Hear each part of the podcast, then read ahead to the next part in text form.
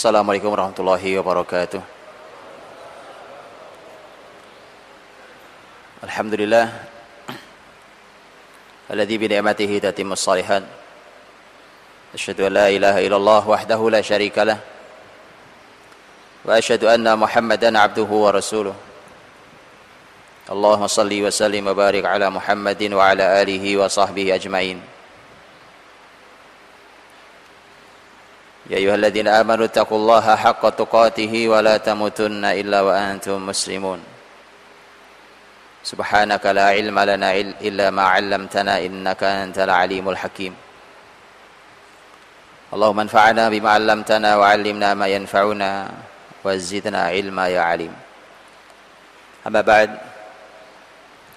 Saudara-saudariku, mukminin mukminat yang dimuliakan Allah Subhanahu wa taala, jamaah salat maghrib dan isya Masjid Al-Irsyad Surabaya.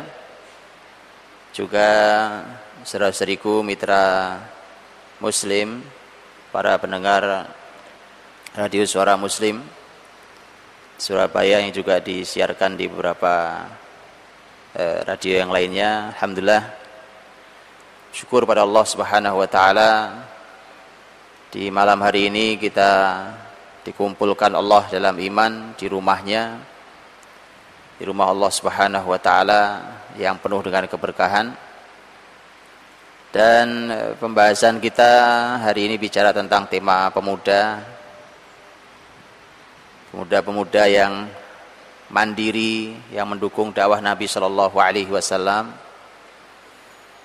Saya ingin mulai dari firman Allah Subhanahu wa taala dalam Al-Qur'an karena kita punya dua kata, satu pemuda, yang kedua mandiri. Yang itu ada di sekeliling Nabi sallallahu alaihi wasallam. Kita mulai dengan ayat di mana Allah berfirman, "A'udzubillahi minasyaitonirrajim." Allahu alladzi khalaqakum min dha'f thumma ja'ala min ba'di dha'fin quwwah ثم جعل من بعد قوة ضعفا وشيبة يخلق ما يشاء وهو العليم القدير Dialah Allah yang telah menciptakan kalian dari lemah dan kemudian menjadikan kalian setelah lemah itu menjadi kuat. Kemudian menjadikan kalian setelah kuat itu menjadi lemah dan beruban. Rambutnya putih. Allah menciptakan yang dia kehendaki dan dia Allah yang maha alim maha mengetahui maha berilmu dan maha qadir maha kuasa dan maha menentukan. Ini ayat ini menyampaikan pada kita tentang tiga fase kehidupan manusia secara umum.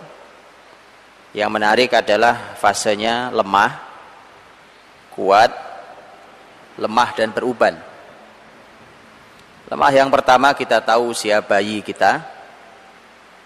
Lemah yang kedua dan beruban jelas sebagai tanda usia tua. Maka kuat yang di tengah apa? Usia pemuda. Karena itulah teman-teman dirahmati Allah, Allah menginginkan cuma dengan satu kata. Yang namanya pemuda itu satu kata, kuat. Itu kalimat Qur'ani, pilihan Allah Makanya kalau kata kuat itu artinya tidak ada kamusnya anak muda lemes itu nggak ada. Anak muda loyo tidak ada tempatnya. Anak muda gampang nyerah tidak ada. Anak muda lemah nggak masuk di sini. Cuma satu kata, kuat. Itu yang Allah mau di generasi muda. Kuat apanya? Segala hal.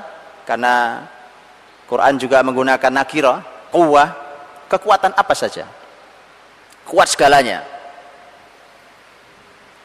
Kenapa Allah ciptakan kuat di usia tengah itu dan usia pemuda dari tengah itu? Ternyata Rasul Shallallahu Alaihi Wasallam yang menyampaikan, kata Nabi, Nasarani asyabab wa khadalani asyuyuh. Saya ini ditolong, dibela oleh para pemuda. Dan saya dihinakan, direndahkan oleh kalangan tua. Kalimat Rasul kita. Dan kalimat itu bisa antum cek dalam sejarah Islam bahwa benar datanya bahkan para ulama menyampaikan itu Imam Ibnu Katsir dalam tafsirnya ketika menafsirkan kata pemuda fityatun amanu bi rabbihim wazidnahum huda juga menyampaikan tentang bahwa dakwah Nabi dikelilingi anak-anak muda. Itu artinya ini tolak ukur. Tolak ukur yang mudah dijadikan ukuran. Apakah dakwah ini sudah lebih baik? Apakah akan segera hadir kebangkitan Islam?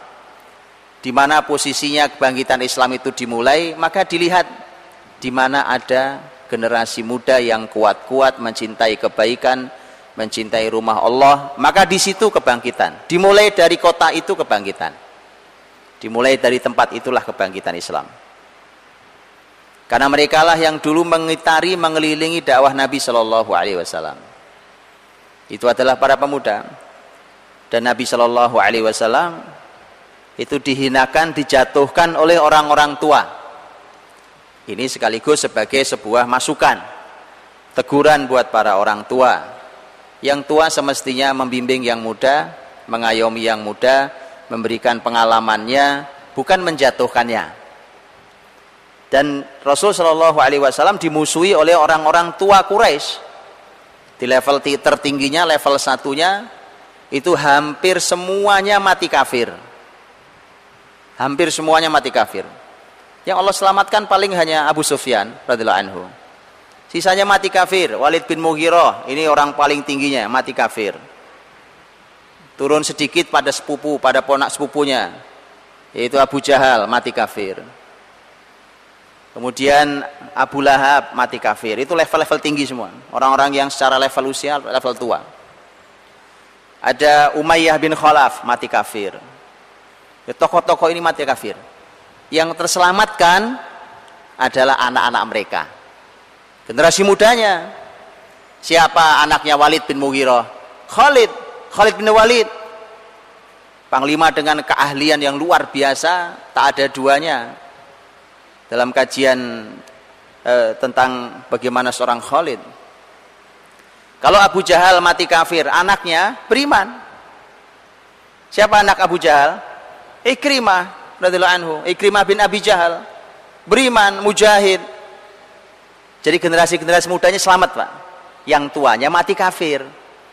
Makanya pelajaran juga untuk kita di sini dan siapa pun bahwa kalau mau tobat jangan nunggu tua biasanya mati kafir beneran ini pak jangan nunggu tua karena tua itu susah pak kita khawatir betul mumpung masih muda segera tobat mumpung masih muda segera hijrah. Jangan nunggu tua. Yang tua dalam sejarah jelas mati kafirnya. Ya makanya segera segera tobat segera beriman segera hijrah kepada yang baik. Nah teman-teman dirahmati Allah, saudara berbahagia. Karena itulah maka ulama tabi'in Az-Zuhri rahimahullah taala beliau kalau ketemu anak-anak muda di zamannya, beliau beri nasihat. Kata kata beliau begini dalam nasihatnya. Hai anak-anak muda, kalian jangan merasa rendah. Jangan merasa kecil karena biasanya anak-anak muda itu, Pak. Ini para orang tua Anak-anak muda itu kalau kumpul sama orang tua cenderung diem, Pak. Sungkan. Betul? Mereka sungkan, mereka tidak berani bicara. Itu anak-anak muda. Maka Zuhri mengatakan, anak-anak muda, jangan merasa rendah. Kalian tahu dulu, kata Zuhri, Umar Ibnu Khattab radhiyallahu anhu, khalifah yang luar biasa itu. Kalau menghadapi masalah sulit, dia tanyakan ke anak-anak muda. Kenapa? Ada yang tahu? Apa alasan Umar bertanya pada anak muda kan kalau ada masalah sulit negara? Coba saya mau tanya, hari ini kalau ada masalah sulit negara ditanyakan ke yang tua apa yang muda? Yang tua. Kenapa yang tua? Pengalaman. Inilah hebatnya Umar radhiyallahu anhu bahwa kalau ada masalah berat di negara yang ditanyai anak-anak muda, kumpulin anak-anak muda yang pinter-pinter itu, kenapa? Bukan pengalaman yang dikejar.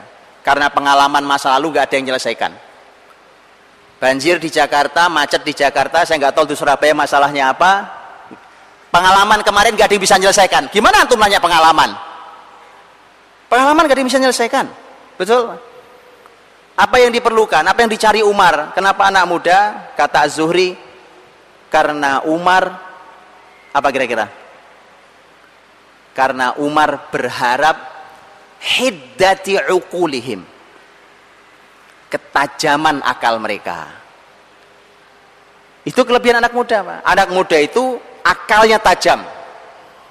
Artinya kalau pengalaman sudah tak bisa menyelesaikan, tanya anak muda, anak muda itu kreatif masih tajam otaknya. Yang tua-tua kan sudah cukup. Yang tua menyanyikan kenangan. Yang tua menyanyikan kenangan, yang muda tajam ke depannya. Itu yang Umar mau radhiyallahu anhu. Maka berharap ketajaman akal-akal mereka. Kenapa begitu? Karena itulah yang dijumpai oleh para khalifah di zaman Rasul Shallallahu Alaihi Wasallam dulu, bahwa generasi muda ini adalah generasi yang betul-betul diharapkan. Dan memang salah satu poin penting di, seperti yang disampaikan malam hari ini adalah tema kemandirian. Mandiri itu kalau di dalam Islam, teman-teman, asal seseorang menjalankan syariatnya dengan baik, pasti mandiri. Kenapa tidak mandiri? Karena terlalu banyak pelanggaran syariatnya. Saya kasih contoh. Contoh lihat dua kalimat ini atau lihat dua kata ini. Satu mubadir. Ad-tabdzir. Yang kedua yang kedua dosa. Kita lihat yuk. Rasul Shallallahu Alaihi Wasallam berkata tentang tentang dosa apa? Kata Nabi, albirru kebaikan matma'annat ilaihin nafs. Kebaikan itu adalah apa yang membuat jiwa jadi tenang. Itu baik. Makanya orang-orang baik itu jiwanya tenang hidupnya. Karena semua yang dilakukannya makin hari makin baik, makin hari makin tenang. Bukankah kita makin hari akan makin mendekati perjalanan menuju Allah? Maka menghadap Allah, Allah berfirman, Ya ayya Tuhan, nafsul mutmainnah, wahai jiwa-jiwa yang tenang. Gak bisa masuk surga tanpa jiwa yang tenang, Pak. Irji'i ila rabbiki radiyatan mardiyah, fadkhuli fi ibadi, wadkhuli jannati. Kalau mau masuk surga, jiwanya harus tenang. Jiwa tenang itu kata Nabi pakai kebaikan, albir kebaikan. Bagaimana dengan dosa ya Rasulullah? Kata Nabi al-ithmu mahaka fi sadrika wa taraddada fi sadr wa in aftakan nas wa aftauk. Yang namanya dosa itu apa yang kau sembunyikan dalam dirimu. Enggak mau kamu ketahuan orang. Itu dosa. Oh dosa apa? Aib. Kita tidak mau orang tahu. Dan yang kedua lihat dan apa yang meragukan di dadamu Makanya dosa itu selalu akan membuat keraguan-keraguan, serba ragu. Karena itulah ketika generasi ini selalu melakukan dosa, dosa, dan dosa, yang terjadi adalah ragu, ragu, dan ragu. Orang namanya namanya orang ragu, Pak, tidak mantap, tidak tenang. Orang disebut mandiri itu dia kokoh berdiri sendiri. Bagaimana dia mau kokoh berdiri mandiri? Wong dia saja penuh dengan keraguan dalam hidupnya. Hidup penuh dengan keraguan. Dan inilah yang merupakan hasil dari ketaatan itu, yaitu kemantapan, ketenangan. Kemudian teman-teman rahmati Allah, hal yang sama, umpamanya contohnya mubazir tadi saya katakan. Ketika Allah berfirman dalam surat Al-Isra wa atidal qurba haqqahu wal miskina wa ibnas sabil wa la tubadzir tabdzira innal mubadzirina kanu ikhwana syayatin wa kana syaitan li rabbih kafura berikan haknya kerabat juga orang-orang miskin dan ibnu sabil jangan mubadir mubadir saudaranya setan dan setan itu ingkar kepada robnya tabzir orang mubadir dan mubadir itu sesungguhnya lawannya adalah kemanfaat. Manfaat. Generasi beriman hidupnya semuanya manfaat dan ukurannya manfaat.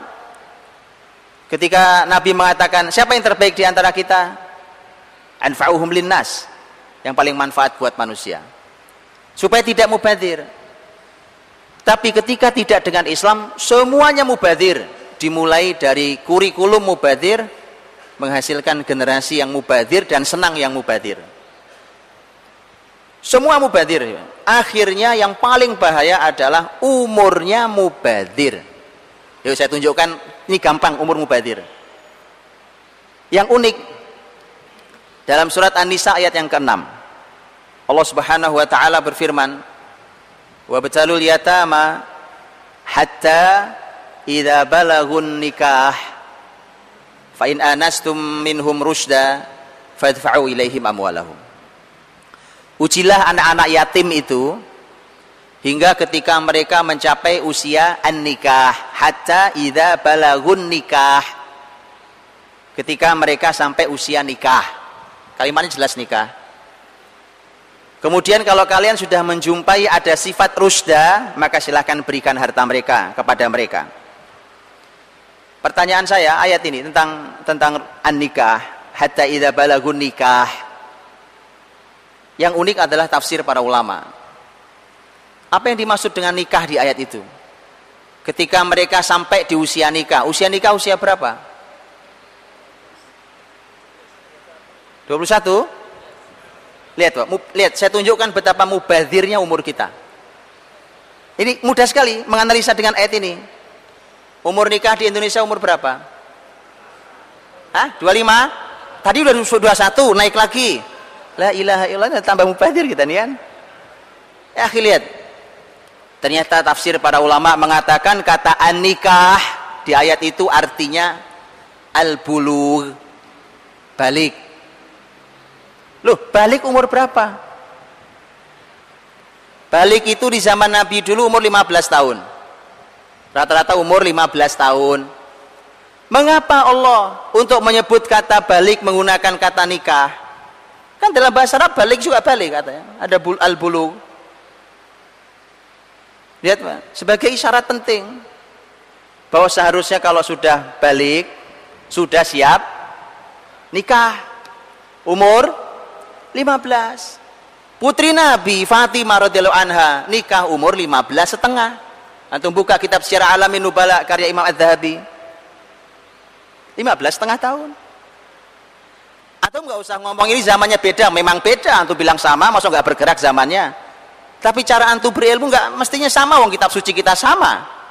Nabi kita sama, kiblat kita sama, nggak ada yang berubah. Oke, tapi lihatlah betapa betapa mubadirnya umur kita. Oh, 15 tahun sudah disiapkan untuk nikah ya kan? Hari ini 30 tahun belum nikah kadang-kadang. Ya. Eh, 30 tahun belum nikah ngapain aja ya? Buang umur antum. Mubadir. Mubadir. Coba nikah dari umur berapa? Sekarang anak udah selusin. Wih, ini generasi perlu diperbanyak, generasi baik-baik kayak begini kan? Itu. Karena itu teman-teman itu hasil dari at-tabdzir. Mubadir itu. Nah, kemubadiran itu semua berawal dari cara berpikir kita. Bukan hanya mubadir eh, benda-benda, benda-benda bukan. Nah generasi Islam adalah generasi yang manfaat di seluruh usianya karenanya mereka pasti berpikir tadi kebaikan, manfaat dan itu tentu karena kemandirian itu. Kalimat yang sangat terkenal dari ini adalah kalimatnya Abdullah bin Mas'ud nisbatnya ke Nabi didoifkan oleh para ulama bahwa Abdullah bin Mas'ud radhiyallahu anhu mengatakan la takunu imma la takunu imma'ah kalian tidak boleh ikut-ikutan. Apa ikut-ikutan itu? In ahsanan nas ahsanna wa in asa'an nas asa'na. Kalau orang baik kita ikut baik. Tapi kalau orang rusak kita juga ikut rusak. Gak mandiri Nah ini teman-teman tidak diizinkan. Tidak diizinkan. Orang beriman itu bukan ikut-ikutan. Atau lihat kalimat ini sebenarnya ada yang menarik. Kalau tidak boleh ikut-ikutan jelek, itu semua sepakat kita. Tapi kalimat pertamanya kan bukan jelek. Kalimat pertamanya yang dimaksud ikut-ikutan, kalau orang baik, kamu ikut baik. Masa ikut baik gak boleh? Hah? Kata Abdullah bin Mas'ud, jangan jangan lakukan itu. Mengapa? Karena baikmu cuma ikut-ikutan. Kalau namanya ikut-ikutan itu tren, teman-teman. Itu yang saya bilang, tren. Makanya mohon lakukan kebaikan itu bukan dengan tren. Tapi memang ini konsep, ini manhaj, ini syariat. Contoh, menghafal Quran. Masya Allah, kebaikan, kemuliaan tidak diragukan. Tapi kalau itu tren, baca Quran, ayo semangat, sehari satu juz, dua juz, tiga juz, tren. Bahaya kalau tren. Tapi kalau itu manhaj, itu konsep, itu luar biasa. Karena kalau yang tren pasti segera hilang. Abdullah bin Mas'ud sudah pesankan, jangan lakukan itu. Itu cuma ikut-ikut begitu, nggak lama hilang. Nanti trennya apa lagi? Tren kebaikan apa lagi? Makanya bukan sebenarnya kalimat ya itu kan lumayan pak nah itu lumayan itu nggak selalu menarik teman-teman ya ini lumayan kalau kita bilang baca Quran sehari sekian kan lumayan. Tapi kalau kebaikan itu cuma ikut-ikutan itu bukan konsep. Baik teman-teman dirahmati Allah. Rasul Shallallahu Alaihi Wasallam mendidik para sahabat-sahabat muda di sekelilingnya untuk menjadi orang mandiri di segala hal. Mandiri itu bukan hanya urusan uang. Mari kita lihat contoh nasihat yang luar biasa yang dikenang oleh sahabat sangat muda. Karena sahabat ini lahir tiga tahun sebelum hijrah Nabi SAW yaitu yang nanti menjadi puncak mercusuar keilmuan. Saat itu dan kemudian menjadi pusat ilmu. Bahkan beliau ini berbagi tugas saja dengan beberapa sahabat. Karena mercusuar ilmu itu hanya beberapa sahabat saja Pak. Di Persia sana ada Abdullah bin Mas'ud di Hijaz ada Abdullah bin Abbas. Ini sahabat muda-muda semua dia bayangkan antum itu itu mereka berbagi tugas. Di Syam di Syam ada beberapa sahabat cukup banyak sahabat. Yang saya maksud adalah Abdullah bin Abbas.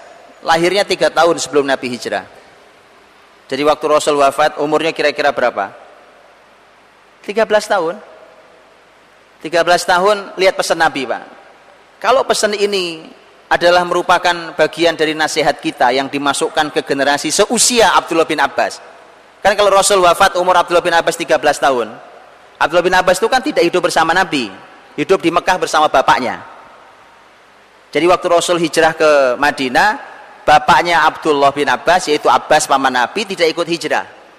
Abbas baru hijrah ke Madinah karena Abbas dapat tugas dari Nabi untuk menjadi pemberi informasi Nabi sallallahu alaihi wasallam waktu Nabi hijrah ke Madinah nanti sekitar tahun 7 Hijriah Abbas baru berangkat ke Madinah. Dibawalah Abdullah yang kecil itu berarti Abdullah saat itu umurnya sekitar 10 tahun.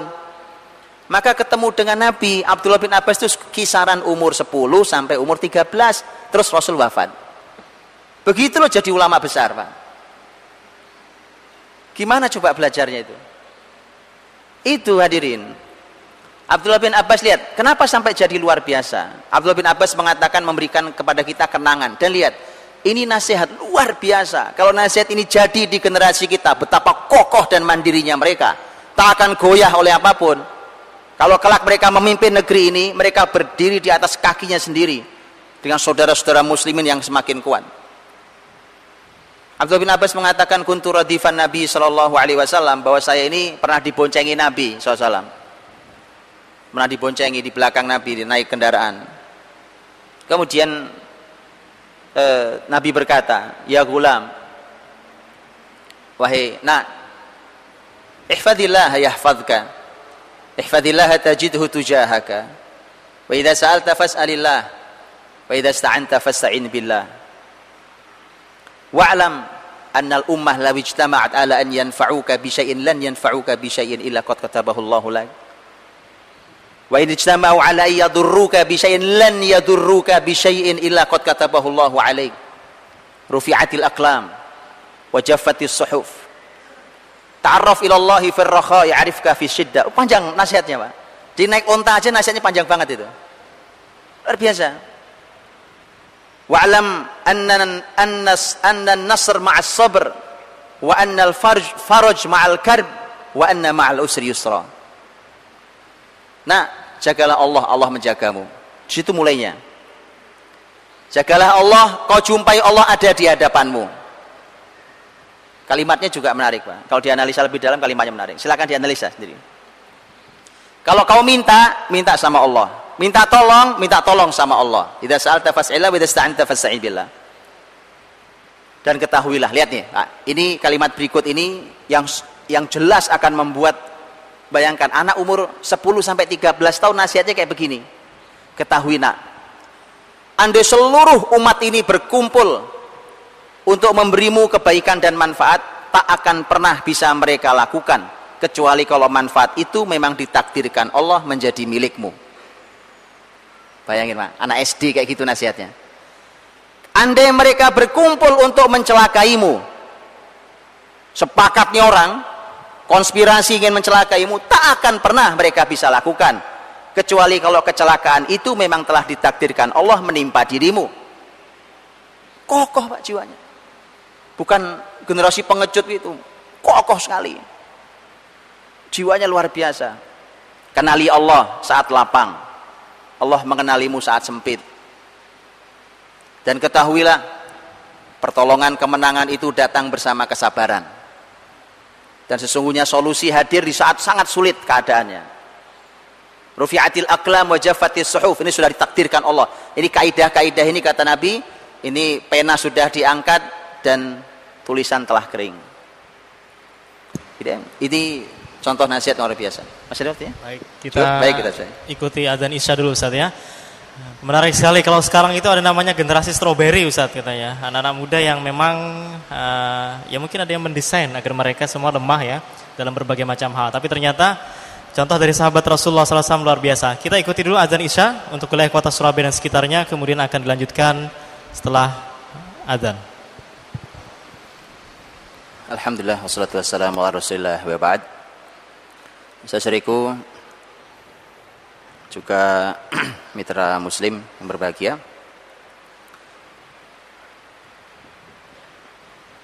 Para sahabat Nabi SAW itu di usia muda-mudanya mereka tertempa, terdidik oleh oleh pendidikan agama yang luar biasa yang dengan ilmu agama yang kokoh itu kemudian e, mereka bertahan kuat dengan sekelilingnya Lihatlah umpamanya kisahnya sahabat mulia Sa'ad bin Abi Waqqas radhiyallahu anhu yang secara umur masih sangat muda kisaran ya, kisaran masih sekitar 17 16 tahun. Usianya masih muda kemudian beliau masuk Islam. Saat itu masuk Islam memutuskan untuk masuk Islam. Begitu masuk Islam kemudian ibunya marah, ibunya Sa'ad bin Abi Waqqas marah dan minta memaksa saat untuk keluar dari Islam. Kemudian ibunya mengancam, kalau kau tidak keluar, ibu akan mogok makan. Mogok makan, kamu makan sampai mati. Saat berkata, demi Allah wahai bunda, kalau bunda punya seratus nyawa, kalau bunda punya seratus nyawa, keluar satu persatu nyawa bunda, gara-gara tidak mau makan, saya tak akan pernah lepaskan agama ini anak-anak muda pak. Usia SMA hari ini. Kokoh sekali pak. Jiwa mereka memang seperti itu. Ya, jiwa-jiwa yang sangat mandiri. Ali bin Abi Thalib radhiyallahu anhu ini orang luar biasa dalam sejarah. Ali bin Abi Thalib radhiyallahu anhu tidak aneh karena Ali sejak kecil dididik oleh Nabi Shallallahu Alaihi Wasallam di rumah beliau diminta oleh Nabi dari rumahnya Abu Talib Ali bin Abi Thalib radhiyallahu anhu dalam waktu masuk Islam antum semua tahu usianya 10 tahun. Ada yang mengatakan ada ahli sejarah yang mengatakan lebih muda dari itu, 8 tahun. Anggap yang 10 tahun, Pak. Lihat waktu proses dia masuk Islam. Ketika Nabi menyampaikan wahyu, begitu Nabi dapat wahyu pertama, Nabi sampaikan, Nabi jelaskan tentang Islam, tentang Allah. Kemudian disampaikan ke Ali. Lihat apa yang dilakukan Ali. Kata Ali, saya mau diskusi konsultasi dengan ayah saya Abu Talib. Untuk memutuskan apakah aku ikuti keyakinanmu wahai Muhammad. Kata Nabi nggak usah. Jangan. Tak usah konsultasi sama ayahmu karena memang keadaannya masih sangat rahasia. Tak usah. Kalau kau mau putuskan sendiri anda tahu anak 10 tahun SD belum lulus bicara berpikir tentang ketuhanan ketuhanan, berpikir tentang Rob, tentang ilah, memastikan apakah saya ikuti keyakinan ini atau saya ikuti keyakinan nenek moyang saya. Semalaman itu dia bolak-balik gak tidur untuk memikirkan itu. Esok paginya dia berkata asyhadu alla ilaha illallah wa asyhadu anna Muhammad Rasulullah. Anak muda-muda Pak, 10 tahun. Untuk itulah maka ini sebenarnya karena tadi Pak, karena mereka hidup dididik di lingkungan yang baik. Sama juga dalam dalam urusan yang sifatnya kalau tadi adalah urusan hati, urusan jiwa, kekokohan keyakinan dan seterusnya. Kemandirian dalam masalah dalam masalah uang, masalah harta juga sama. Karena sekali lagi orang-orang beriman itu diminta Allah untuk memberi manfaat ke orang lain, bukan malah menjadi beban untuk orang lain. Atau bertiup ke mana arah angin bertiup tidak. Dia harus memberikan manfaat untuk orang lain. Maka lihatlah umpamanya yang tadi saya sampaikan di khutbah Jumat ayat di akhir surat Al-Muzammil.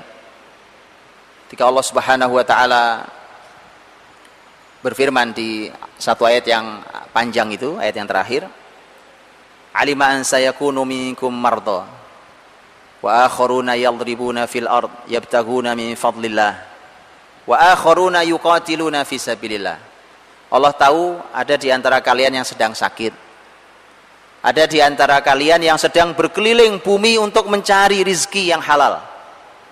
Dan ada di antara kalian yang sekarang sedang berjihad fisabilillah lihat itu para ulama menyampaikan termasuk Abdullah bin Mas'ud radhiyallahu anhu lihat kalimat Abdullah bin Mas'ud begitu membaca ayat ini Pak Lihat kalimat Abdul bin Mas'ud.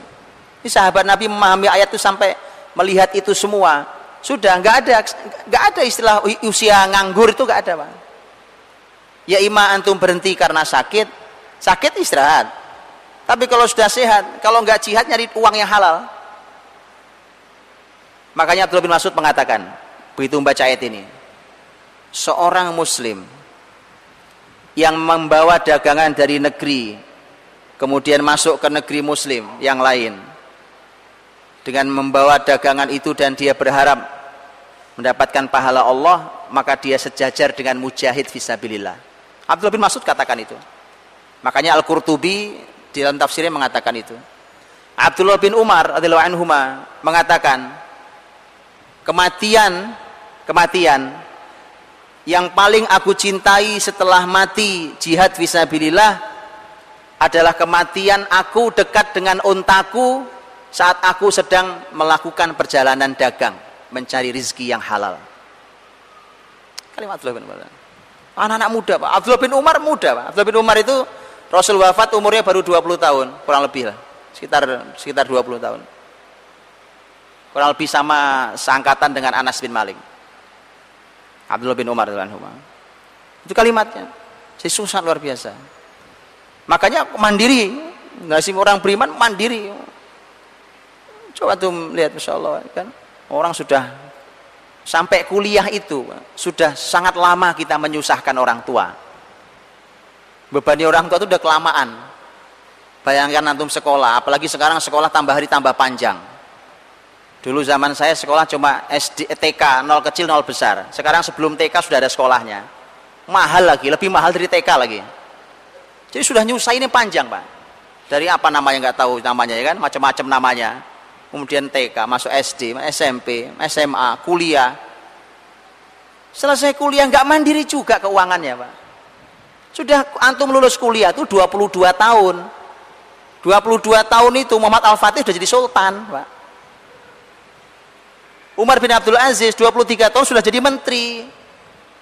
Kita masih gini tangan di depan orang tua, ma ongkos.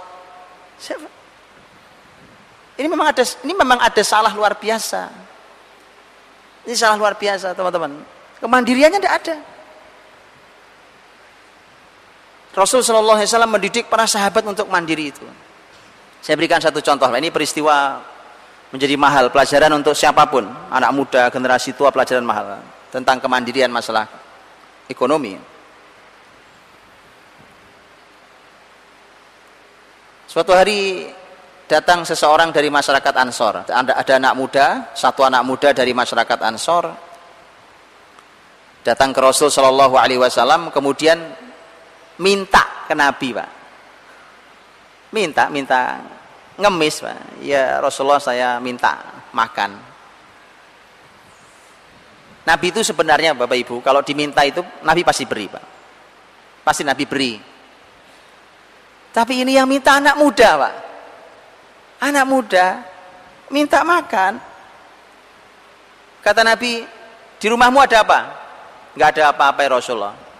Hanya ada tikar atau apa ya kain atau tikar lah bukan yang sebagian saya pakai untuk alas tidur sebagian saya pakai untuk selimut. Sama bejana tempat minum yang sudah rusak.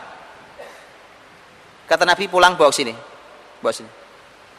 Pulang dia pak. Dibawa itu barang nggak berharga itu. Di depan Rasul. Sedang kumpul Rasul dengan para sahabat. Kata Nabi, siapa yang mau beli barang ini? Mau barang nggak berharga dijual sama Nabi.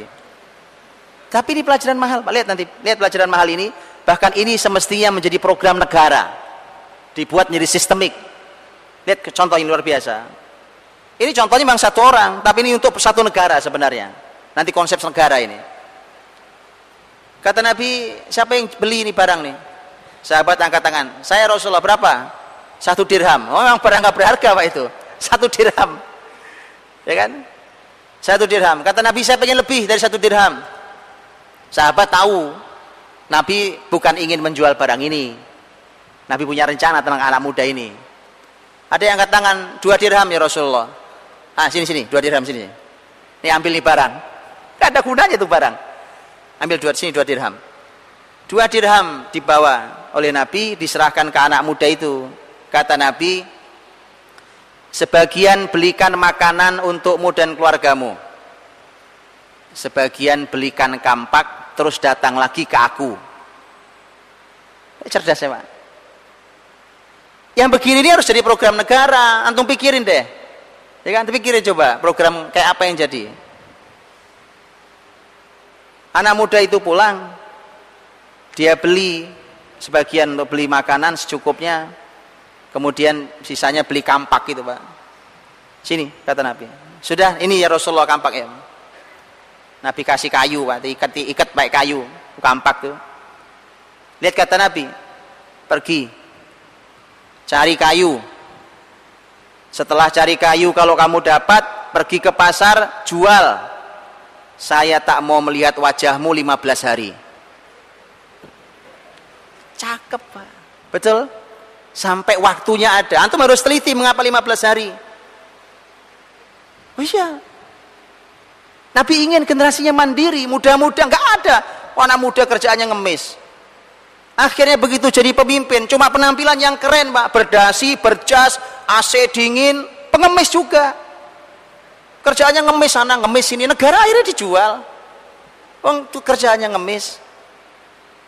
Tapi generasi mandiri, Pak, nggak diberi kesempatan Nabi hanya untuk sekedar kalau dia minta makan apa susahnya Nabi ngasih makan nah, ini faktornya adalah masalah ini ada salah tentang masalah kemandirian.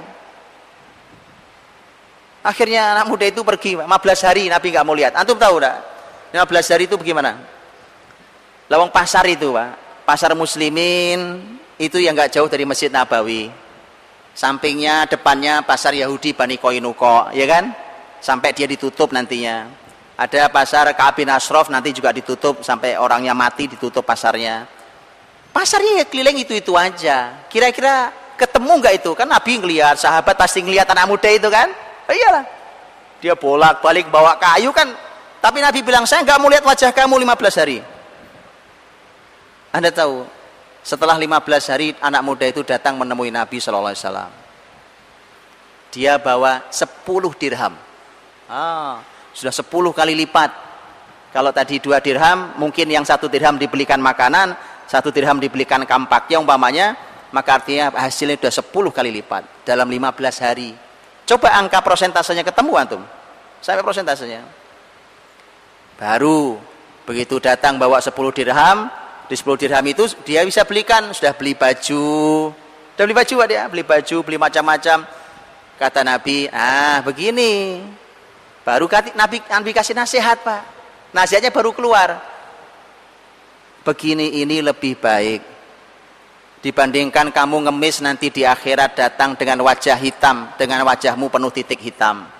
Gara-gara ngemis. Saya juga nggak kebayang pak. Kalau orang kerjaannya ngemis gitu ya. Terus kalau pejabat ngemisnya gimana tuh pak? Nah, itu mukanya apa nggak gelap itu?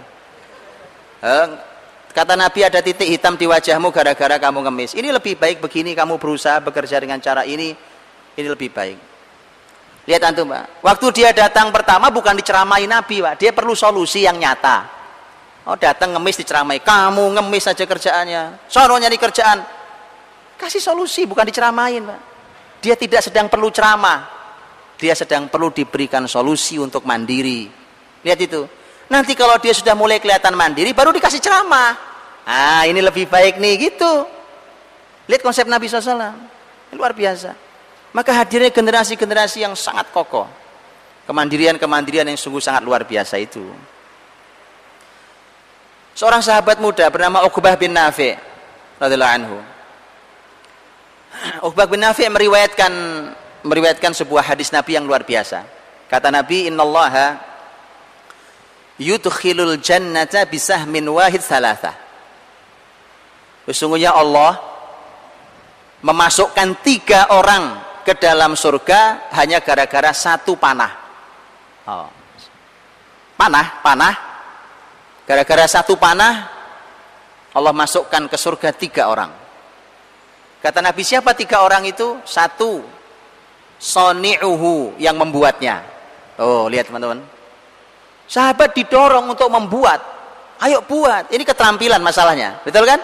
Oh sekarang teman-teman yang punya keterampilan membuat panah jadi bisnis sendiri kan? Insya Allah. Ya, Nabi dorong, ayo buat. Karena si pembuatnya, kalau dia membuat karena ingin mendapatkan pahala Allah, dia masuk surga gara-gara membuat. Belum manah dia, baru membuat maksudnya. Pembuatnya. Yang kedua kata Nabi Romi, pemanahnya. Yang ketiga Munbiluh, itu yang yang menyiapkannya. Menyiapkannya. Ya, artinya luar biasa. Kata Nabi tiga-tiganya masuk surga hanya gara-gara satu panah. Maka didorong generasi muda itu di zaman Nabi untuk punya keterampilan. Nggak boleh nggak punya keterampilan. Maka Nabi itu teman-teman, Nabi itu ngelewatin anak muda. Itu anak-anak muda lagi pada eh, apa namanya menguliti kambing. Kambing dipotong terus dikuliti. Nabi cuma lewat, tapi Nabi perlu memberikan dorongan motivasi ke mereka. Nabi mengatakan, begitu Nabi melihat, Nabi berhenti. Kata Nabi, tidak begitu nak cara menguliti kambing. Berarti ada yang salah. Cara nguliti. Kata Nabi, lihat saya. Nabi langsung kuliti. Lihat, begini cara ngulitinya. Nah, sudah? Ayo teruskan. Didorong mereka punya keahlian. Punya kemampuan. Sehingga mereka menjadi generasi yang mandiri. Dan begitulah kenapa mereka didorong mandiri karena kelak mereka lah pemimpin-pemimpin dunia. Kalau mereka tidak mandiri, maka alangkah bahayanya. Mereka mandiri dengan dengan kebersamaan muslimin. Makanya teman-teman kalau antum pelajari dalam sejarah kejatuhan negeri-negeri Islam di dalam sejarah Islam dulu itu ada benang merah benang merah yang sama walau dinastinya beda walau zamannya beda. Kenapa? Sebabnya mereka jatuh. Lihat di antara kejatuhannya apa? Di antara kejatuhannya penyebabnya selalu ada yang sama. Yaitu meminta bantuan musuh Islam untuk memerangi muslimin yang lain. Itu antum boleh lihat di, di sejak di mana pun itu. Di salah satunya jadi mereka contoh yang paling nyata adalah Andalus karena Andalus bertetangga dengan kerajaan Kristen utara dari Castile dan Aragon. Itu itu raja-raja kecil itu minta bantuan ke Kristen. Ini rajanya muslim minta bantuan ke Kristen untuk memerangi saudaranya yang muslim. Bahkan ada yang ironi Pak. Nah, ada yang ironi. Sama-sama raja sama-sama muslim A dan B bertikai si A minta ke raja Kristen ini si B minta ke raja Kristen yang sama. Apa enggak buat mainan? Dibuat mainan sama dia. Ah ini bagus ini. Dia minta ke saya dia minta ke saya untuk saling adu. Kan tinggal diadu aja. Udah kayak wayang. Itu karena mereka mereka nanti pemimpin maka kemudian mereka harus kokoh mandiri. Masalah-masalah muslimin diselesaikan oleh muslimin sendiri dan itu bisa kita lihat nantinya. Sahabat-sahabat muda yang oleh Nabi Shallallahu Alaihi Wasallam diajari berbagai macam hal di berbagai keahlian dan keterampilan. Baik itu di kalau di sahabat Mekah ada keahlian pasar berdagang. Sahabat Madinah punya keahlian perkebunan. Maka mereka dilatih oleh Nabi Shallallahu Alaihi Wasallam dijaga betul Nabi kontrol betul sahabat-sahabat yang muda yang kelak berperan sepeninggal Nabi Shallallahu Alaihi Wasallam mereka berperan me, menjaga negeri Islam sehingga ketika uh, Rasul wafat, para sahabat itu tinggal bagi tugas, Pak. Tinggal bagi tugas mereka. Umpamanya tadi tentang tema tema keuangan, kan antum tahu bahwa negeri masalah, negeri paceklik, tidak ada harta, sulit. Sudah, Pak. Muslimin saling membantu itu luar biasa. Amur Ramadah, tahun Abu, namanya tahun Abu di masa Khalifah Umar. Itu masyarakat ibu kota yaitu Madinah. Nggak ada makanan sampai kesulitan sampai mereka tidak bisa makan. Sampai kulit kulitnya Umar bin Khattab yang tadinya putih jadi hitam. Menghitam gara-gara dia tidak makan dan gara-gara selalu dia hanya minum minyak zaitun cuma itu karena hanya itu yang bisa dia lakukan sehingga menghitam kulitnya Kemudian perutnya bunyi kruk kruk kruk itu karena lapar. Ditusuk pula perutnya sama Umar. Umar nusuk perutnya sendiri. Eh perut diem. Kau tak akan ku beri makan sampai rakyatku makan. Umar radhiyallahu anhu. Itu begitu pak. Lihat pak. Masalah besar. Ibu kota kelaparan. Perlu solusi.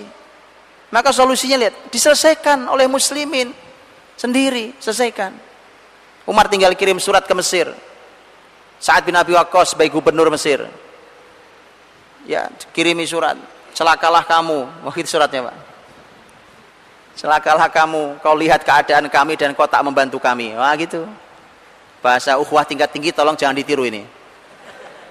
Ini ukhuwah tingkat tinggi. Kalau antum tiru pasti antum berantem. Pung antum itu diskusi ngomong baik-baik aja ujungnya berantem kok ini apalagi bahasanya kayak begitu. Jangan ditiru ya. Makanya saya selalu bilang pak hati-hati bicara ayo kita tiru salafus soleh kita tiru salafus soleh. Eh salafus soleh itu imannya tinggi ilmunya tinggi kita nggak nyampe nggak semuanya bisa ditiru. Jangan ditiru.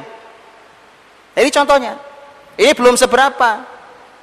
Nah, kalau antum baca lagi bagaimana Umar radhiyallahu anhu memerintahkan Muhammad bin Maslamah radhiyallahu anhu untuk pergi dari Madinah menuju ke Kufah bakar pintu rumahnya saat bin Abi radhiyallahu anhu Coba antum lakukan. Ini tiga-tiganya saudara loh, ngaji bareng loh dulu. Ya kan? Makanya saya bilang jangan ditiru, walaupun salafus soleh. Kalau nggak percaya, coba aja. Kalau nggak percaya, saya nggak tahu jawab. Ya kan? Kenapa? Mereka melakukan itu, Pak. Itu imannya kokoh, ukhuwahnya kuat sekali, ilmunya tinggi sekali itu. Lah kayak kita, model kayak kita, ngomong baik-baik aja ribut. Itu makanya tadi ketika Amur Ramadah punya masalah kayak seperti itu muslimin perlu solusinya. Karena dulu mereka generasi yang dilatih kokoh berdiri maka gitu mereka saling memberikan solusi saudaranya. Mandiri di negeri muslim.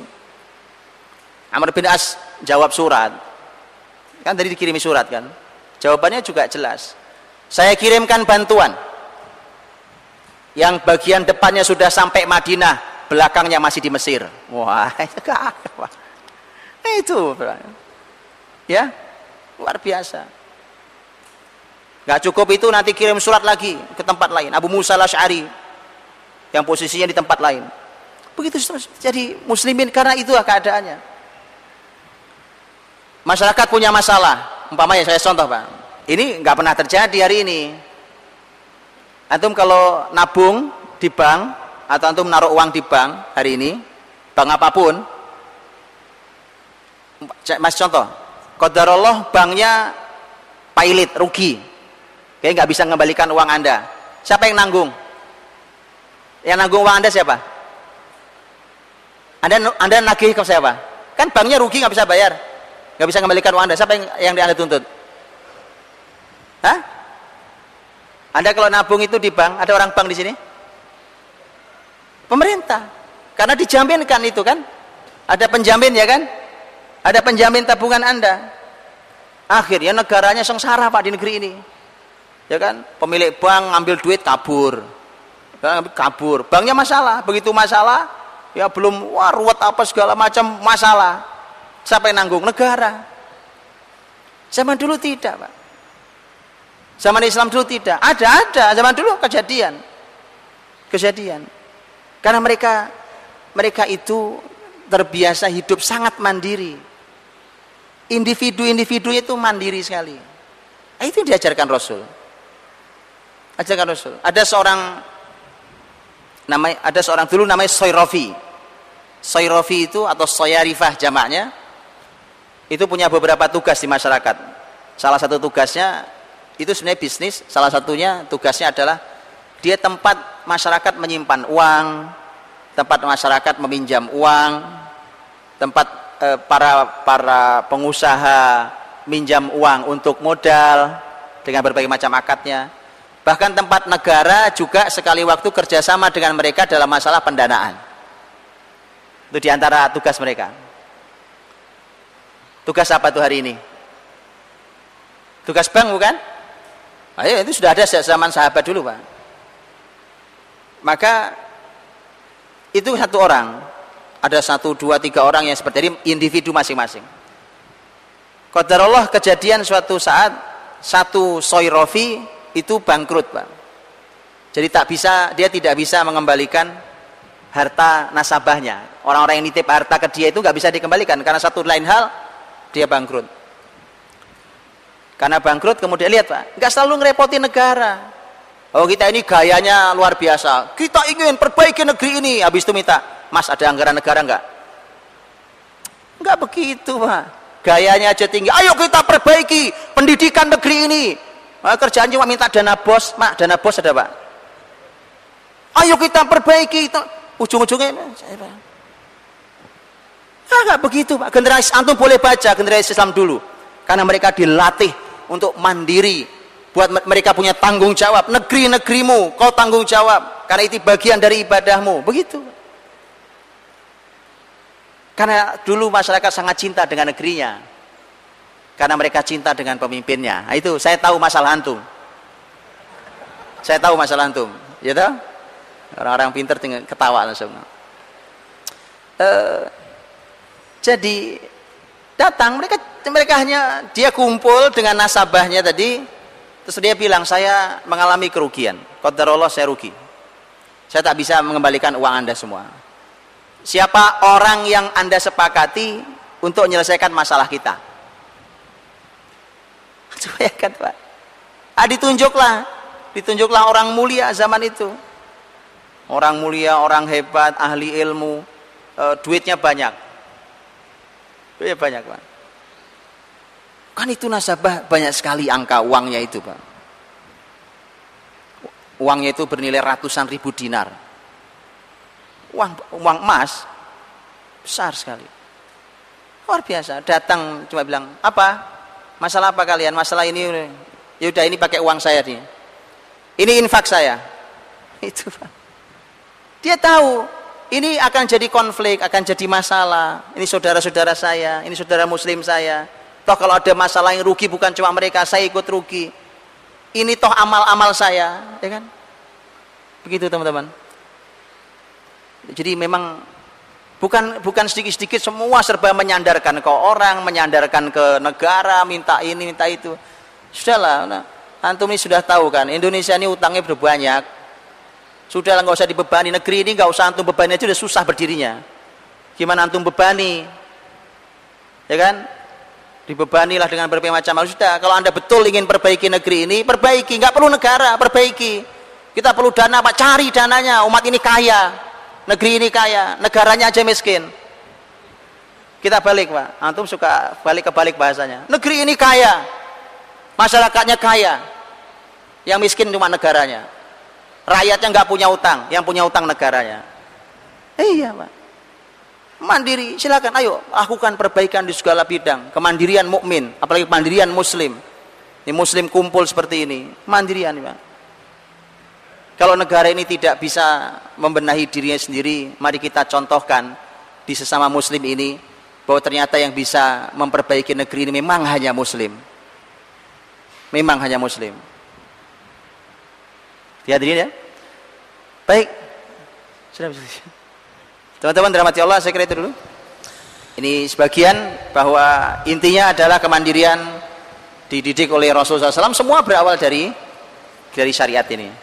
Wallah. Uh, banyak di antara kita Ustadz yang hadir di sini baru paham hal-hal yang Ustadz sampaikan tadi. Sebagian mungkin belum paham ya, baru saja paham. Pertanyaannya apa langkah kami yang merasa terlambat karena merasa salah langkah dan mungkin sudah tidak mudah lagi bagaimana mengejar ketinggalan yang belum terlalu jauh ketinggalan dan kesalahan-kesalahan yang sudah terlewati tadi itu. Baik, eh, teman-teman dirahmati Allah begini. Eh, asal kita masih diberi Allah usia, diberi Allah kekuatan, diberi Allah kesempatan, tidak ada kebaikan yang bisa kita lakukan. Intinya antum beribadah yang banyak. Jangan membatasi ibadah di ibadah mahdoh antum ibadah yang banyak. Ibadah antum bisa ibadah mahdoh itu pasti. Yang sholat, yang puasa, segala macam silahkan lakukan. Tetapi juga ibadah antum yang lain. Contohnya anda punya ilmu yang levelnya ilmu fardu kifayah. Antum tahu ilmu fardu kifayah? Kan ada ilmu yang levelnya fardu kifayah. Fardu kifayah itu kan kalau tidak ada satupun yang punya ilmu itu maka dosa semua. Tapi kalau sudah ada sebagian yang memiliki ilmu itu maka sudah cukup sudah gugur kewajiban yang lain. Itu banyak. Semua ilmu kebaikan itu fardu kifayah. Dalam makna yang kemaslahatan besar ini. Antum punya ilmu di bidang apa? Perekonomian bisnis teknologi. Ilmu-ilmu itu ilmu kesehatan ilmu itu ilmu harus dipelajari karena itu manfaat buat seluruh manusia dan menjadi fardu kifayah. Karena harus dipelajari karena harus ada muslimin yang bisa. Ah itu ibadah antum. Ibadah antum kemudian maksimalkan. Tapi tetap teman-teman kalau antum mau melejit kalau anda ini mau melejit dengan dengan kemampuan ilmu itu maka tolong diilmui. Ilmu anda ini di bidang ini tolong diilmui dicari ilmunya ini kalau di dalam sejarah peradaban Islam dulu kayak apa ya ilmu saya ini bekerja? Di berbagai ilmu itu. Emang anda harus cari itu. Terus sambil beraktivitas kebaikan silahkan lakukan. Ya, silahkan pelajari. Makanya berilmu, berilmu ini mahal karena eh, saya tahu teman-teman karena beberapa waktu saya sering berjumpa dengan teman-teman yang diberikan Allah hidayah ini luar biasa. Kemudian dia tinggalkan dunianya dia tinggalkan dunia, wah ini ternyata salah, saya mau hijrah, hijrah dia. Sudah saya tinggalkan semua. Ya, masya Allah. Bahkan ada teman-teman yang punya perusahaan ditutup perusahaannya, tutup perusahaannya pak. Perusahaan besar tutup perusahaannya, gara-gara hijrah. Ada yang kerja di posisi yang tinggi dengan gaji besar, dia keluar dari pekerjaannya. Oke, saya tanya, saya bertanya. Waktu itu saya bertanya, bukankah ilmu antum ini sebenarnya manfaat? Manfaat sih saat lah iya. Yang yang kenapa anda hijrah sebenarnya bukan masalah di ilmunya. Ya kan? Bukan masalah di ilmunya. Ilmunya manfaat. Cuma waktu anda menjalankan ilmu manfaat ini pakai cara yang salah. Yang nipu yang riba yang apa gitu ya. Kesalahan-kesalahan itu. Jadi yang salah bukan ilmunya. Nah pertanyaan saya begini tinggal. Bagaimana caranya ilmu yang baik ini dan menjadi amal soleh anda ini mari kita jalankan ilmu anda ini tapi dengan cara yang baik Gitu ya. Jadi nggak tidak intinya jangan menyerah dan teruslah e, belajar karena dengan belajar Islam Masya Allah kita akan diberi panduan sekaligus akan diberi ide dan inspirasi. Assalamualaikum warahmatullahi wabarakatuh. Assalamualaikum warahmatullahi wabarakatuh.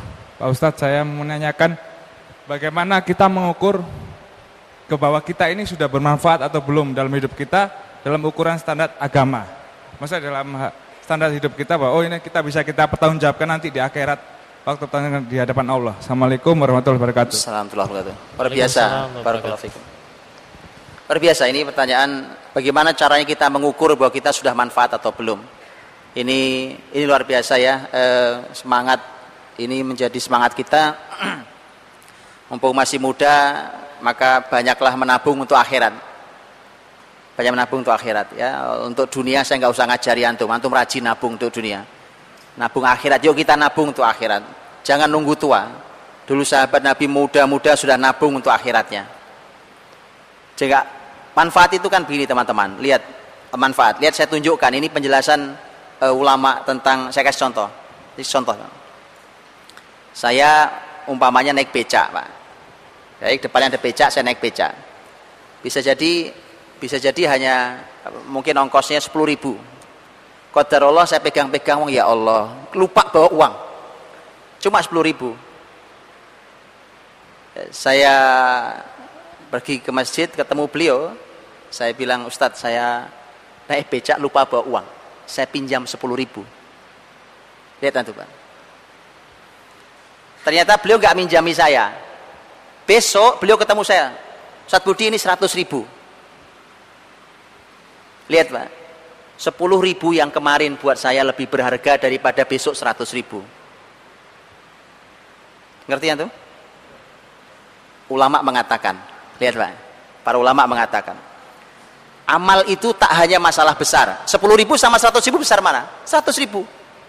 Salah satu yang membuat amal itu besar, dan ini manfaat buat dunia dan akhirat kita. Di antaranya selain besar, besar itu juga ada besar, ada tema sendiri, itu juga penting Ya, karena kalau perlu keperluannya besar tentu perlu amal yang besar. Tapi terkadang tidak, terkadang adalah e, perlu beramal walau kecil tapi tepat waktu dan tepat sasaran. Itu manfaat. Karena tadi saya cuma perlu 10 ribu teman-teman, saya cuma perlu 10 ribu, bukan 100 ribu. 10 ribu saja. Itu ya. Ada, subhanallah, ada begitulah. Itulah kenapa Abdullah bin Mubarak ayatnya antum kalau pelajari kehidupan orang-orang lengkap loh ini orang lengkap teman-teman ya. Ini Masya Allah kalau antum diberikan kehidupan seperti Abdullah bin Mubarak ini luar biasa dunia akhirat bahagia orang luar biasa. Abdullah bin Mubarak itu ya ahli ilmu iya.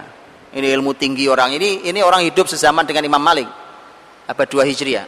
Ahli ilmu iya. Mujahid iya. Jihad pak. Perang dia di mana-mana ahli ibadah iya kaya raya iya itu Abdullah, Abdullah bin Mubarak. Abdullah bin Mubarak itu, Masya Allah Pak, unik banget beliau itu. Karena beliau tahu potensinya. Jadi kalau mau tahu kita manfaat apa tidak, coba ukur potensi Anda apa. Abdullah bin Mubarak punya, empat, punya banyak hal. Maka beliau perankan satu-satu itu. Yang ahli ilmu, maka dia bicara ilmu. Dia diskusi dengan ulama tentang masalah ilmu. Abdullah bin Mubarak kirim surat. Ini secara ilmunya, karena dia tahu dia punya potensi ilmu. Dia punya ilmu. Dia kirim surat ke ahli ibadah Abidul Haramain. Ahli ibadah di dua tanah suci yaitu Fudail bin Iyad rahimahullah taala. Ini juga seorang ahli ibadah yang soleh luar biasa. Abdul bin Barak memberikan kalimat teguran dalam sebuah syair yang syairnya sangat terkenal diabadikan di antaranya dalam tafsir Ibnu Katsir. Ya abidal haramaini li absart lau absartana la alimta annaka bil ibadati tal'abu dan seterusnya wahai yang ahli ibadah di dua tanah suci kalau kau lihat kami kamu tahu dengan ibadahmu itu hanya main-main saja. Wah, ini teguran ahli ilmu, Pak. Sudah sujud, rukuk, tilawah, tawaf di Ka'bah, pindah ke Madinah, ibadah Masjid Nabawi, balik Mekah, ibadah lagi. Waktu itu sebenarnya eh, Abdullah bin Mubarak ingin memberikan teguran. Karena beliau mengatakan, kalau kalau pipimu, matamu itu sembab oleh air mata, dibasahi air mata, leher-leher kami dibasahi dengan darah-darah kami. Wah, coba. Itu syairnya. Masya Allah. Jadi dialog ahli ilmu. Baik. Secara harta beliau punya potensi orang kaya. Maka unik juga beliau itu. Beliau bilang e, ke masyarakatnya, eh saudara-saudara di kampung ini, di kota ini, yang mau haji tahun depan, silahkan kumpulkan uangnya ke saya. Karena beliau dikenal orang ahli ahli dagang, orang masyarakat percaya, dan memang mereka perlu tempat penyimpanan uang, gitu pak? Maka mereka simpan uang ke Abdullah bin Mubarak. Oleh Abdullah bin Mubarak dikasih apa itu namanya? E, dimasukkan ke dalam kantong itu terus ditulisi namanya. Namanya siapa? Ahmad bin ya, tulis namanya, taruh di ruangan, tulis nama taruh di ruangan. Begitu, Bang. Sudah berangkat. Tahun depan berangkat haji. Begitu berangkat haji, kata Abdullah bin Mubarak, haji ini berkah sekali. Ibadah, ibadah yang berkah. Maka mereka e, jadi semua dana sudah ditanggung oleh bin Mubarak karena dana mereka punya uang kan? Sudah sampai di Mekah, sudah mereka mau pulang. Kata Abdullah bin Mubarak, ayo beli oleh-oleh buat orang yang di rumah. Mereka bilang, uang kami tak cukup. Kami tahu berapa uang yang kami berikan. Gak cukup buat beli oleh-oleh. Kata Abdullah bin Mubarak, kan saya udah bilang, haji ini berkah. Ayo beli saja, beli. Beli, Pak. Mampir ke Madinah, kan mereka uh, ke, ke utara. Mampir ke Madinah. Mampir di Madinah, di Masjid Nabi SAW Eh, ke ziarah ke makam Nabi SAW dan seterusnya. Kemudian ayo kalian beli oleh-oleh Madinah. Oleh Madinah. Mereka bilang uang kami tidak cukup. Kata Abdullah bin Mubarak, kan saya sudah bilang haji itu berkah. Ayo beli, beli semua beli, beli. Semua beli. Sudah begitu sampai mereka pulang ke negerinya dengan selamat. Ya, haji dapat, oleh-oleh dapat. Kemudian Abdullah bin Mubarak manggil satu-satu. Ahmad, balikin uangnya. Muhammad balikin uangnya Pak. Semua dikembalikan uangnya. Karena beliau tahu saya orang kaya. Saya bisa beramal dengan harta saya. Itu maksud Pak. Jadi di mana pun potensi yang Allah berikan pada kita, maka jadikan itu sebagai alat untuk beramal. Allah Ah, bolehkah muslim buka usaha di mall yang penuh dengan mudarat? Ya, Dulu sahabat Nabi sebelum punya pasar sendiri, mereka di mana? Jualan dan belanjanya. Pasar Yahudi. Eh, namanya pasar Yahudi. Muslimin dulu sahabat Nabi sebelum punya pasar, sebelum Nabi membuat pasar sendiri, pasar muslimin, pasarnya Rasul yang belakangan dikenal namanya dengan pasar Manakho. Di mana mereka belanja, di mana mereka jualan? Di pasar Yahudi. Pasar Yahudi yang besar dan paling dekat dengan tempat tinggal muslimin adalah pasar Yahudi Bani Koinuko. Begitu Nabi punya pasar sendiri, maka sahabat pindah, dagangnya pindah, belanjanya pindah. Tetapi sekali waktu kan ada saja barang yang mungkin tidak ada di pasar muslimin, ya kan? Mungkin saja terjadi. Maka mereka lagi nyari di pasar Yahudi Bani Koinuko. Gak ada masalah. Itu muamalah biasa. Apakah tidak ada mudorot? Oh, namanya pasar Yahudi yang mudorotnya banyak, Pak. Bukti paling gampang antum lihat apa yang menyebabkan yang salah satu penyebab dari mengapa Yahudi Bani Koinuko diusir oleh Nabi, hampir dibunuh oleh Nabi mereka itu. Mereka diusir dari Madinah. Penyebabnya karena ada muslimah yang belanja di pasar Bani Koinuko. Belanja, muslimah belanja di pasar mereka. Tapi kemudian diisengi oleh orang-orang Yahudi. Diikat lagi lagi beliau jongkok itu diikat baju bagian bawah dengan bagian atas. Sehingga ketika muslimah itu berdiri tersingkap auratnya. Memang jahat dari dulu Yahudi. Yahudi narik-narik jilbab itu bukan cuma sekarang dari dulu Pak. Jadi mereka mempermasalahkan pakaian muslimah bukan cuma sekarang dari dulu. Memang begitu kerjaannya. Maka ada muslim di pasar itu coba. Ada muslim di pasar itu di pasar Yahudi. Ada muslim di pasar itu langsung loncat dibunuh tuh Yahudi yang iseng. Mati itu Yahudi akhirnya muslim ini dikeroyok oleh Yahudi di pasar itu. Mati juga muslimnya. Kemudian itulah yang membuat Nabi kepung mereka e, selama 15 hari benteng-benteng mereka dikepung Nabi kemudian oleh Nabi SAW diusir dari Madinah semuanya begitu jadi ya memang begitu namanya pasar kan yang namanya pasar. Ada mudorot, mudorotnya besar namanya di pasar Yahudi. Tipu menipu apa sudah ada maksiat. Pasar Yahudi namanya. Nah, muslimin perlu punya pasar sendiri memang. Tapi untuk bisa membuatnya Anda harus berpikir lebih baik. Anda harus belajar dulu lebih dalam. Ya, supaya bisa mendirikannya. Kemudian yang kedua,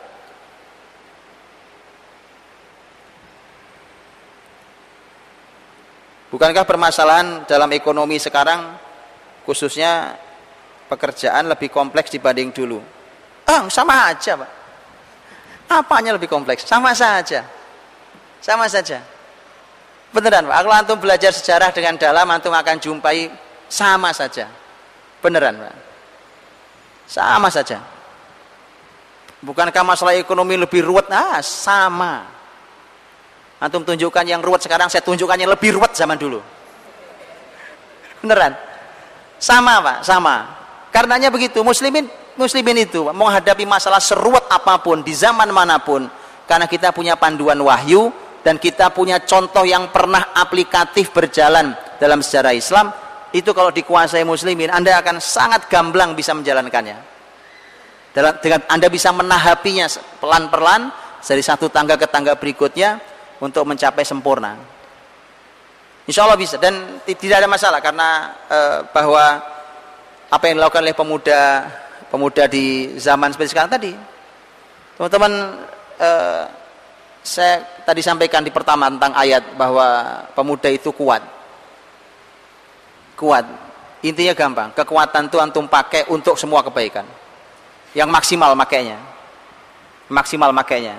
Orang nggak ada yang sempurna Khalid bin Walid radhiyallahu anhu itu orang yang ahli dalam strategi, pakar dalam strategi perang, panglima tak ada duanya. Panglima tak ada duanya. Dalam sejarah Islam nggak ada duanya, Pak. Itu luar biasa. Bahkan dalam sejarah manusia juga panglima yang nggak ada duanya. Itu Khalid bin Walid radhiyallahu anhu. Tapi itu keahlian beliau, di situlah kekuatan beliau. Tapi ketika beliau umpamanya masalah ilmu, ilmu nggak dalam. Untuk ilmu kalah jauh dibandingkan Abdullah bin Abbas Zaid bin Thabit eh, Abdullah bin Mas'ud. Jauh pak. Jauh pak. Tapi tadi di mana kekuatan anda? Di mana potensi anda? Karena setiap kita diberikan Allah beda-beda. Nah itu yang untuk maksimalkan ada orang keahlian kayak Khalid wah pokoknya keahliannya perang perang perang kan hebat coba kalau hari ini saya belum tahu, mungkin sudah ada tapi saya belum tahu. Hari ini jenderal-jenderal yang lulusan pesantren mungkin ada. Tapi jenderal yang hafal Quran 30 juz, ya kan? Itu perlu orang-orang kayak Anda-anda ini, Masya Allah. Mereka jenderal-jenderal yang mengerti hukum fikih, fikih jihad. Wah, biasa. Bukan cuma perangnya, tapi fikih jihadnya. Ya, para jenderal yang yang mengerti tentang bagaimana sebenarnya keamanan di sebuah negeri yang dulu contohkan Rasul SAW luar biasa. Di keahliannya dia ahli. Di bidangnya dia sangat ahli. Begitu seterusnya jadi silahkan manfaatkan eh, kekuatan generasi muda yang Allah berikan eh, dan sebanyak mungkin lakukan kebaikan-kebaikan itu nanti ditapaki saja nanti Allah akan pertemukan kita dengan takdir kita sebagaimana kalimat Rasul i'malu fakullun muyassarun lima khuliqalahu yang penting buat kalian berkarya beramal. Berkarya berkarya berkarya yang baik berkarya yang baik. Antum akan dimudahkan Allah jalannya menuju takdir anda. Pokoknya dilakukan saja. Ini baik baik baik. Lakukan lakukan lakukan lakukan lakukan. Nanti yang mana ke mana arahnya akan ke mana saya itu lakukan saja kata Nabi nanti akan ditunjukkan Allah takdir anda apa sebenarnya itu wallahualam semoga Allah berikan pada kita ilmu dan diterima amal kita wallahu a'lam Baik hadirin rahmati Allah kita tutup dengan doa semoga Allah menerima ibadah kita, amal kita, semoga Allah perbaiki keadaan kita. Allah damaikan, Allah persatukan dan Allah perbaiki hubungan sesama kita. Allahumma salli wa sallim wa barik ala Muhammadin wa ala alihi wa sahbihi ajma'in walhamdulillahi rabbil alamin. حمدا يوافي نعمه ويكافئ مزيده. يا ربنا لك الحمد ولك الشكر كما ينبغي لجلال وجهك الكريم وعظيم سلطانك. اللهم أصلح لنا ديننا الذي هو عصمة أمرنا وأصلح لنا دنيانا التي فيها معاشنا وأصلح لنا آخرتنا التي إليها معادنا. اللهم أصلح ذات بيننا. اللهم أصلح ذات بيننا. اللهم أصلح ذات بيننا. اللهم أعز الإسلام والمسلمين. اللهم أعز الإسلام والمسلمين. وانصر المسلمين المستضعفين في كل مكان وكل زمان يا أرحم الراحمين. اللهم أصلح شباب المسلمين. اللهم أصلح شباب المسلمين. اللهم أصلح ولاة أمور المسلمين. اللهم أصلح ولاة أمور المسلمين. ربنا تقبل منا إنك أنت السميع العليم. وتب علينا إنك أنت التواب الرحيم. اللهم اشرح صدورنا للإسلام. اللهم افتح بيننا وبين قومنا بالحق وأنت خير الفاتحين. ربنا آتنا في الدنيا حسنة وفي الآخرة حسنة وقنا عذاب النار. سبحان ربك رب العزة عما يصفون وسلام على المرسلين والحمد لله رب العالمين.